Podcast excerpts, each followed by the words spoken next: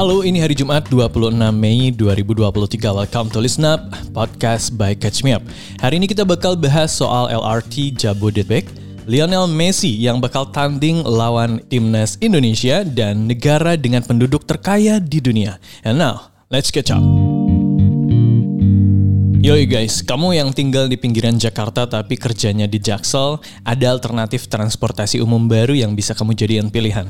Jadi nggak melulu ngandelin KRL dan Auto Survival Mode di stasiun Manggarai. Iya, Light Rail Transit aka LRT atau LRT. Mulai Juli Agustus nanti most likely bakal diresmikan dan beroperasi melayani orang-orang di Jabodetabek. We know, LRT ini emang bukan something new lagi di ibu kota, tapi kamu pastinya juga tahu kan kalau selama ini LRT yang udah beroperasi sejak akhir 2019 itu rutenya terbatas banget. Cuma lewat di 6 stasiun dari Kelapa Gading sampai Velodrome. Sementara volume warga Jakarta dan sekitarnya juga terus membludak, terutama kalangan pekerja pinggiran Jakarta yang tiap hari mengandalkan transportasi umum untuk pergi ke kantor. Makanya nggak heran kalau KRL jadi transportasi yang paling efisien buat mereka. Cuma ya gitu, desek-desekannya itu loh ya. Nah, makanya LRT ini kudu jadi moda transportasi yang lebih accessible untuk masyarakat. Biar masyarakat juga ada pilihan lain ya kan. Makanya PT KAI akhirnya membangun LRT ini yang bisa nge-cover daerah Jabodetabek. Cuma ya itu, proses pembangunannya lama banget dan ya emang molor ya. Target awalnya tuh di hari ulang tahun Republik Indonesia ke-77 tahun uh, yang lalu ya. Itu harusnya udah kelar, tapi karena aspek kesiapan yang harus matang makanya molor. But the wait is over now. LRT diprediksi bakal mulai beroperasi per Juli tahun ini dan diresmikan di bulan depannya yaitu bulan Agustus, tepat di tanggal 17 Agustus 2023. Tepat di hari kemerdekaan. What a birthday present, right? Kayak yang tadi kita bahas, LRT Jabodetabek ini bakal ngecover daerah-daerah lain yang sebelumnya nggak ke-cover di wilayah Jakarta, Bogor, Depok, dan Bekasi. Mulai dari Cibubur, Cawang, Cawang Duku Atas, dan lintas Bekasi Timur ke Cawang, semua bakal dilewati sama LRT ini. Adapun stasiun yang disiapkan itu ada sebanyak 17 stasiun guys, yang salah satunya bakal connect langsung ke kereta cepat Jakarta-Bandung. Nah, sampai sekarang sih belum di-spill ya tarif sekali pergi naik LRT Jabodetabek itu ya berapa. Cuma kalau mengacu tarif LRT Jakarta, setiap orang dikenakan 5000 in that sense. PT KAI pun suggest kalau tarif LRT di Jabodetabek ini kalau jarak dekat tetap Rp5.000. Kalau jarak jauh di range 24 sampai Rp25.000. Jadi rata-ratanya sekitar 15 ribuan lah tarifnya. Bahkan angka ini disebut bisa lebih murah lagi considering Kementerian Perhubungan disebut juga bakal kasih subsidi. Jadi ya nggak gratis ya guys. Dikonfirmasi langsung oleh PT KAI, nggak ada tuh ceritanya naik uh, eh, LRT gratis sebulan gitu ya. Yang ada itu semacam joy trip gitu buat uji coba dan diperuntukkan ke kalangan tertentu termasuk masyarakat yang tertarik untuk test drive naik LRT ini. Jadi kayak pemuka masyarakat, sivitas akademika sampai pemerhati transportasi bakalan nyobain LRT Jabodetabek ini mulai 12 Juli nanti. Lebih jauh PT KAI juga bilang bakalan ada kesempatan untuk masyarakat biasa kayak kita-kita ini nanti bakal diumumin lebih lanjut lewat media sosialnya. Joy Trip ini terbatas ya pastinya. By the way, dari tadi ngomongin LRT Jabodetabek yang harus kamu tahu ini adalah pembangunan LRT Jakarta tahap selanjutnya juga bakal mulai dikerjain tahun ini guys. Ya, Menteri Perhubungan Budi Karya Sumadi bilang, perpanjangan rute LRT Jakarta bakalan berlanjut sepanjang 6,4 km dari Velodrome sampai Manggarai. Bakalan ada 5 stasiun tambahan nantinya mulai dari stasiun Pemuda Barat, Pramuka BPKP, Pasar Pramuka, Matraman, dan Manggarai. Nah, dengan perpanjangan ini diprediksi bakalan ada 180 ribu penumpang tiap harinya yang naik LRT Jakarta.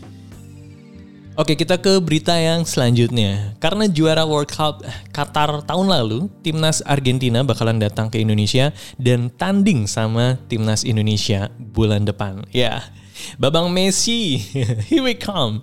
Oke, jadi gini guys, setelah belakangan ini dihantam badai di mana Indonesia gagal jadi tuan rumah Piala Dunia U20, hari-hari setelahnya kayak muncul pelangi gitu loh untuk sepak bola nasional Indonesia. Secara setelah lebih dari 30 tahun menunggu, akhirnya di SEA Games kemarin timnas Indonesia berhasil membawa pulang medali emas. Terus kabar gembiranya masih berlanjut di mana baru aja dikonfirmasi oleh Ketua Persatuan Sepak Bola seluruh Indonesia, aka PSSI Erick Thohir bahwa timnas Argentina bakalan dipastikan mampir ke Indonesia dan melakukan FIFA Matchday melawan timnas Indonesia.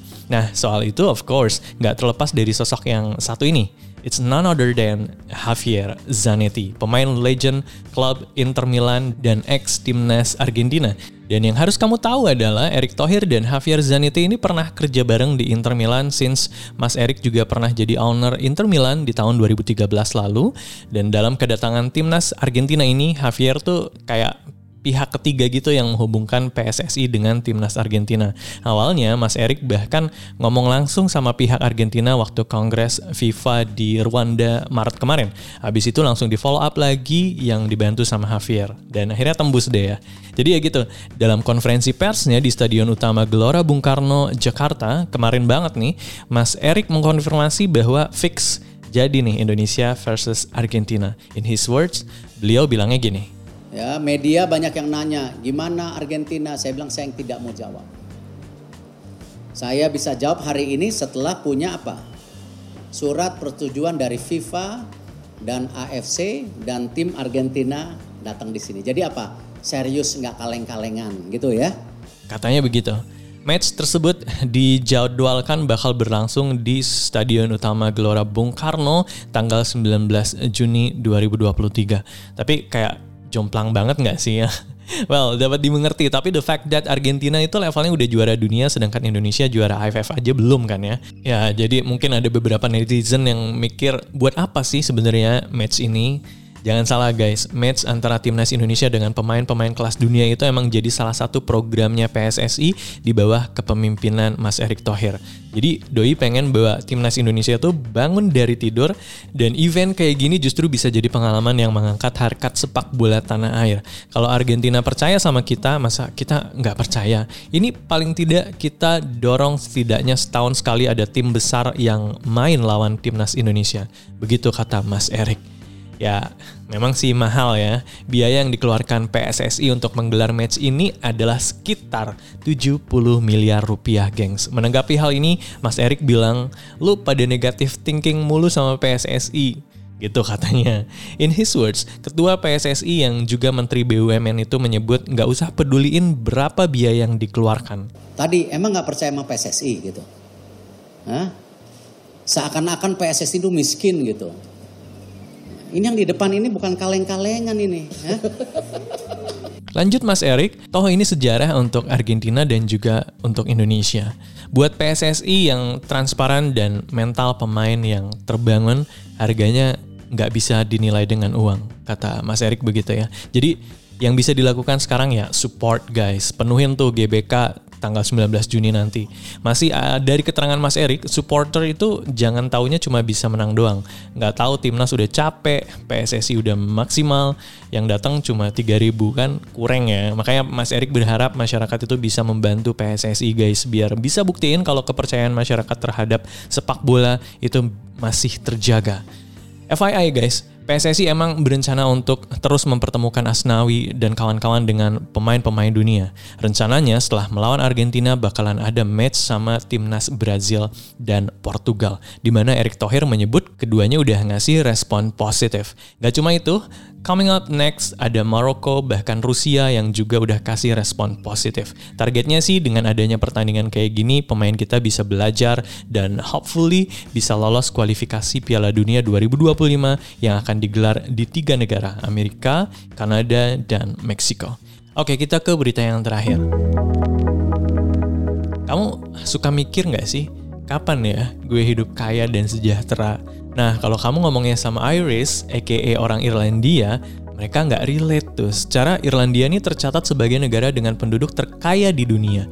Ya, kalau kamu ngelihat dari produk domestik bruto atau PDB aja, negara yang punya PDB terbesar emang negara-negara dengan ekonomi besar juga kayak Amerika, China, Jepang, dan Jerman. Tapi berdasarkan analisis Global Finance Magazine, to consider sebuah negara itu paling kaya atau enggak, ada banyak banget indikatornya. Ini termasuk pendapatan per kapita penduduknya ya, daya beli masyarakat, PDB sama ketahanan negara tersebut dalam menghadapi krisis selama pandemi, kalau ngelihat dari berbagai indikator tersebut, Irlandia lah yang ada di first position, sedangkan Amerika Serikat berada di urutan ke-9.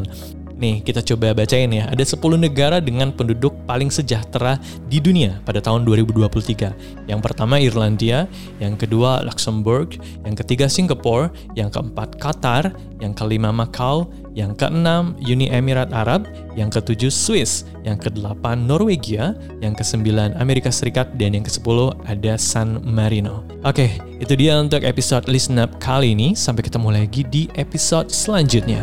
Happy weekend!